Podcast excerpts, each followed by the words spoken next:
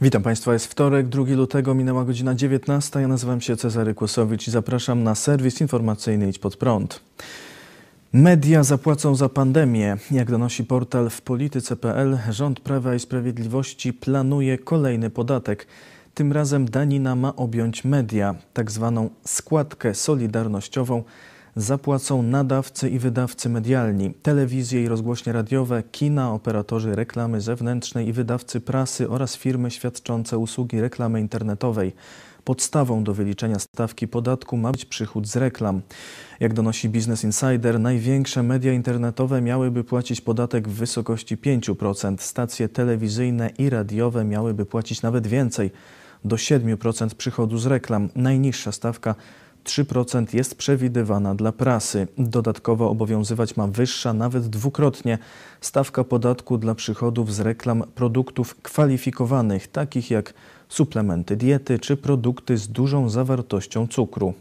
Wpływy z nowego podatku mają zasilić Narodowy Fundusz Zdrowia oraz Fundusz Wsparcia Kultury i Twórczości w obszarze mediów. Nazwano go daniną solidarnościową, bo ma pokryć straty wynikające z epidemii COVID-19. Z obowiązku płacenia mają być wyłączone najmniejsze media tradycyjne. Jak donosi w polityce.pl, projekt bardzo szybko ma trafić do Rządowego Centrum Legislacji. Sejm mógłby się nim zająć nawet w marcu. Nowe rozwiązania weszłyby w życie w ciągu kilku miesięcy. Nowy podatek może przynieść budżetowi nawet 1,5 miliarda złotych rocznie.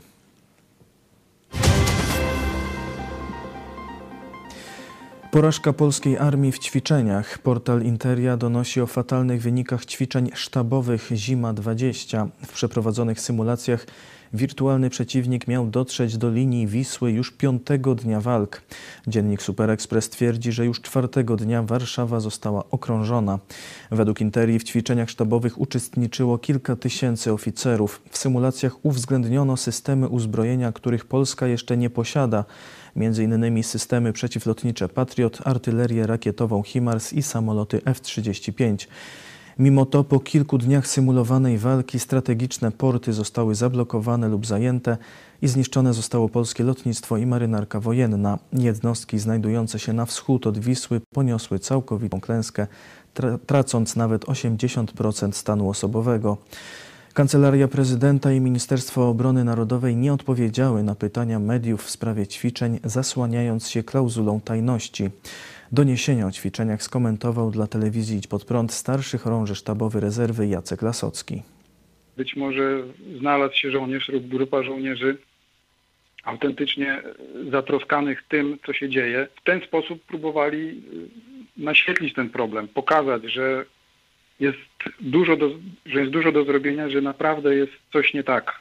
Żołnierze biorący udział w tych ćwiczeniach mieli się posługiwać sprzętem, którego jeszcze nie ma. Być może to był jeden z elementów y, niepowodzenia tego ćwiczenia. W wyniku ćwiczenia okazało się, że nasza obrona powietrzna praktycznie nie istnieje. Około 9 lat służyłem w siłach powietrznych innymi w Dywizjonie Rakietowym Obrony Powietrznej. Z żalem muszę potwierdzić tą, tą informację. Służyłem również w jednostce koordynującej operacje powietrzne. Nie jest dobrze.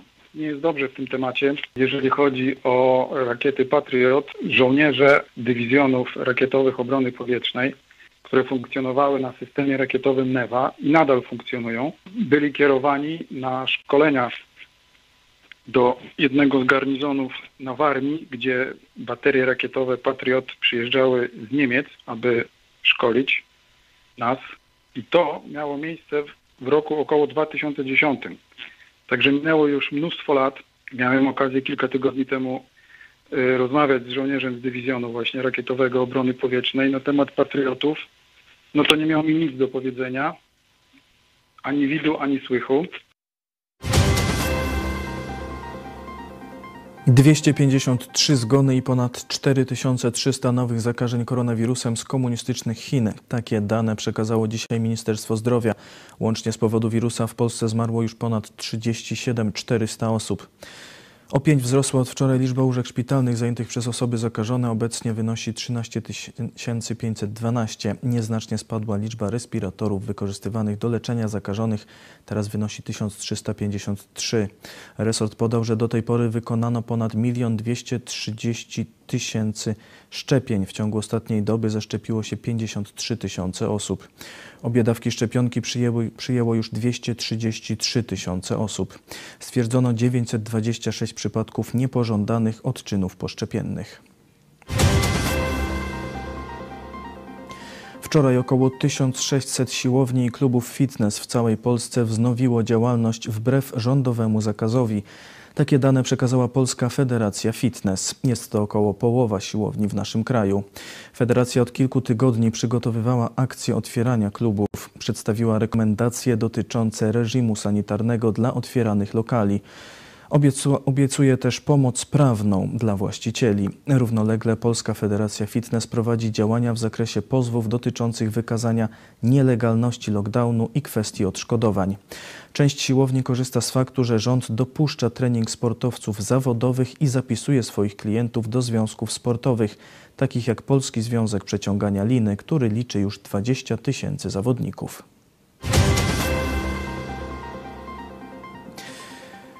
Archidiecezja poznańska kupiła 100 hektarów gruntów pod Poznaniem. Teren należał do spółdzielni rolniczej, która od jakiegoś czasu nie działa. Członkowie spółdzielni postanowili sprzedać ziemię. Grunt wraz z zabudowaniami, starą chlewnią, halą i magazynem kupiła archidiecezja poznańska za ponad 15 milionów złotych. Po co kościołowi katolickiemu tyle ziemi? I jak powiedział Gazecie Wyborczej rzecznik diecezji, ksiądz Maciej Szczepaniak, Kościół nie zamierza starać się o przekształcenie gruntów rolnych na inwestycyjne. Archidiecezja chce przeznaczyć je na magazyny. Są one niezbędne dla działalności instytucji diecezjalnych w celach religijnych, charytatywnych, oświatowych i kulturalnych, powiedział rzecznik. Przed transakcją biuro nieruchomości reklamowało działki jako dobre miejsce dla działań przemysłowo-inwestycyjnych. Jednak w Polsce po niedawnych zmianach prawnych grunty rolne zakupić mogą tylko rolnicy oraz kościoły i związki wyznaniowe.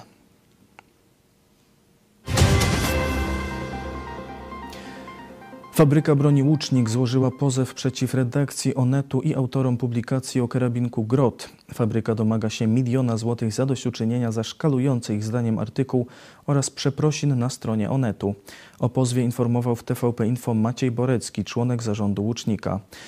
Szczególnie bolesny dla nas jest tytuł tego artykułu, który stwierdza, że broń, którą produkujemy w fabryce broni, którą wytwarzamy tutaj w Radomiu, że ta broń jest niebezpieczna dla żołnierza polskiego. Jest to bardzo bolesne i dla mnie, i dla wszystkich naszych pracowników. W fabryce broni pracuje ponad 500 osób. Nie pozwolimy na to, żeby ktoś bezkarnie szargał naszą pracę, stwierdził Borecki. Fabryka twierdzi, że dziennikarze Onetu nie dochowali rzetelności dziennikarskiej.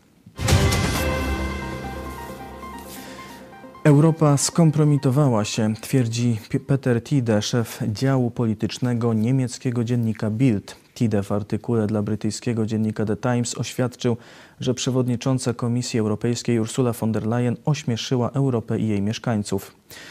Von der Leyen wszczęła spór z dostawcą szczepionek firmą AstraZeneca, co miało wyglądać odważnie, ale było po prostu głupie. Skompromitowała Europę, pisze Tide. Dodaje, że Wielka Brytania, z której Niemcy szydziły z powodu Brexitu, wyprzedziła w procesie szczepień całą Europę. Ach, jak my, Niemcy, nabijaliśmy się z tych dziwnych brexitowych gości z ich dziwacznym europopulistą Borysem Johnsonem na czele.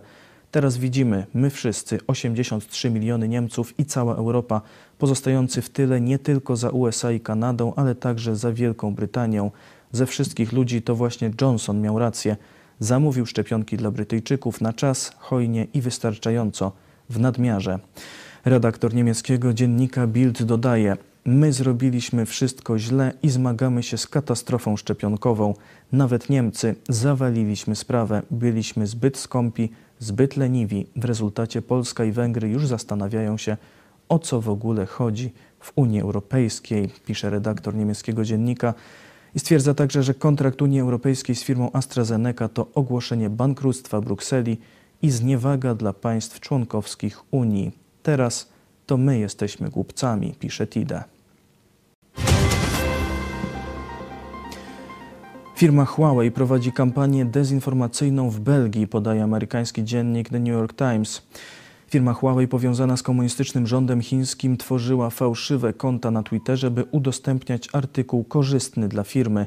Napisany przez prawnika Edwina Fermulsta krytykował rząd belgijski za działania zmierzające do przyjęcia uderzającej w Huawei ustawy o budowie sieci 5G. Artykuł pojawił się na przynajmniej 14 twitterowych kontach osób, które podawały się za dziennikarzy i naukowców. Informacje o tym przekazała firma Grafika badająca problem dezinformacji w sieci. Co więcej, jak podaje The New York Times, setki postów o artykule zostało opublikowanych na Twitterze z fałszywych kont pracowników firmy Huawei. Tylko do jednego z pracowników chińskiego koncernu przypisano 60 różnych kont. Po informacjach firmy Grafika, Twitter usunął fałszywe konta. Przewrót wojskowy w Mianmie. Dowódcy armii Mianmy przejęli w poniedziałek władzę w państwie i zatrzymali liderów partii rządzącej oraz prezydenta i premiera kraju. Wojskowi twierdzą, że podczas ostatnich wyborów doszło do fałszerstw, dlatego oni przejęli władzę, by za rok przeprowadzić kolejne wybory i ustąpić zwycięzcom. Narodowa Liga dla Demokracji rządziła Mianmą od 2015 roku. Wtedy odbyły się pierwsze wybory powszechne od czasu rozwiązania hunty wojskowej w 2011 roku. Kraje Azji Południowo-Wschodniej wezwały Mianmę do pokojowego rozwiązania sprawy. Rekordowe inwestycje komunistycznych Chin w Polsce. Amerykańska firma analityczna Rodium Group podaje, że w ubiegłym roku padł rekord inwestycji komunistycznych Chin w Polsce. Chiny miały wydać w Polsce ponad miliard dolarów, z czego prawie 800 milionów dolarów firma GLP działająca w sektorze nieruchomości logistycznych przeznaczyła na budowę 48 budynków przemysłowych i magazynowych. Kolejne 200 milionów dolarów wydała firma CGL, która nabyła od spółki Invesco dwa centra logistyczne Amazona w Bolesławcu i Pabianicach. Rodium Group wskazuje, że Polska znalazła się w europejskiej czołówce po raz pierwszy. Większe chińskie inwestycje przeprowadzane były w ubiegłym roku tylko w Niemczech i we Francji. A teraz czas na wiadomości sportowe. Chuligani zaatakowali we Francji. W ostatni weekend we Francji rozegrano 20. kolejkę Ligue 1. Jednak ta kolejka zostanie zapamiętana nie z pasjonujących meczów, a z wydarzeń, które miały miejsce poza boiskiem. W ostatnią sobotę grupa około 400 chuliganów pojawiła się w okolicach bazy treningowej klubu Stad Velodrom. Początkowo grupa pseudokibiców zapaliła racę, wyzywała swoich piłkarzy i domagała się odejścia prezesa klubu. Według doniesień policji kilkunastu napastników wdarło się do bazy treningowej Marselczyków, a część z nich nawet do szatni graczy. W wyniku ataku chuliganów ucierpiał piłkarz olimpik Hiszpan Alvaro González. Nastroje próbował uspokoić kapitan Marselczyków, bramkarz Steve Mandanda. Według doniesień medialnych został uderzony w plecy lub trafiony racą. Interweniowała policja, zatrzymano łącznie 25 osób. W wyniku incydentu sobotni mecz Olympique Marsylia-Stade Rennes został odwołany. Przyczyną ataku pseudokibiców są słabe wyniki graczy z Marsylii. Po 22 meczach liderem tabeli Ligi Francuskiej jest Lille. Marsylczycy zajmują dziewiątą pozycję. Mają jeszcze dwa zaległe mecze. Od niespełna miesiąca graczem Olympique Marsylia jest polski napastnik Arkadiusz Milik. Kamil Piątkowski został graczem Red Bull Salzburg. Kamil Piątkowski jest niewątpliwie jednym z najzdolniejszych graczy PKO BP Ekstraklasy. O Polaka pytały takie giganty europejskiej piłki jak AC Milan czy Borussia Dortmund. Nie dziwi więc informacja, że utalentowany obrońca Rakowa Częstochowa latem opuści krajowe boiska. 20-letni Polak podpisał umowę z austriackim mistrzem Red Bull Salzburg. Nieoficjalnie Austriacy zapłacą za reprezentanta młodzieżówki około 5 milionów euro. Ponadto Częstochowianie będą mogli liczyć na procent przy kolejnym transferze Polaka. Tym sezonie utalentowany piłkarz rozegrał 15 meczów w Ekstraklasie i dwa mecze w Pucharze Polski. Salzburg jest obecnie liderem Bundesligi Austriackiej. W 1.16 Ligi Europy zmierzy się z hiszpańskim Villarreal. Miłą niespodziankę sprawił polski tenisista Kamil Majchrzak, klasyfikowany obecnie na 109 pozycji w rankingu ATP Polak pokonał w pierwszej rundzie turnieju Great Ocean Road Open rozstawionego z numerem 12 Serba Laslo Diere 6-3-6-4. Impreza rozgrywana jest na nawierzchni twardej w australijskim Melbourne. Turniej Great Ocean Road jest ostatnim sprawdzianem przed rozpoczynającym się w poniedziałek wielkoszlemowym Australian Open. Celem Polaka w tym sezonie jest awans do najlepszej pięćdziesiątki rankingu ATP. Udane otwarcie sezonu przez Igę Świątek, przygotowujący się do wielkoszlemowego Australian Open. Iga Świątek pokona, pokonała w drugiej rundzie turnieju WTA rozgrywanego w Melbourne Słowenkę Kaję Juwan 2-6, 6-2, 6-1. Dla Polki był to pierwszy mecz w turnieju, ponieważ dzięki wysokiej pozycji w rankingu WTA pierwszą rundę miała wolną. Kolejną rywalką naszej najlepszej tenisistki będzie Rosjanka Jekaterina Aleksandrowa.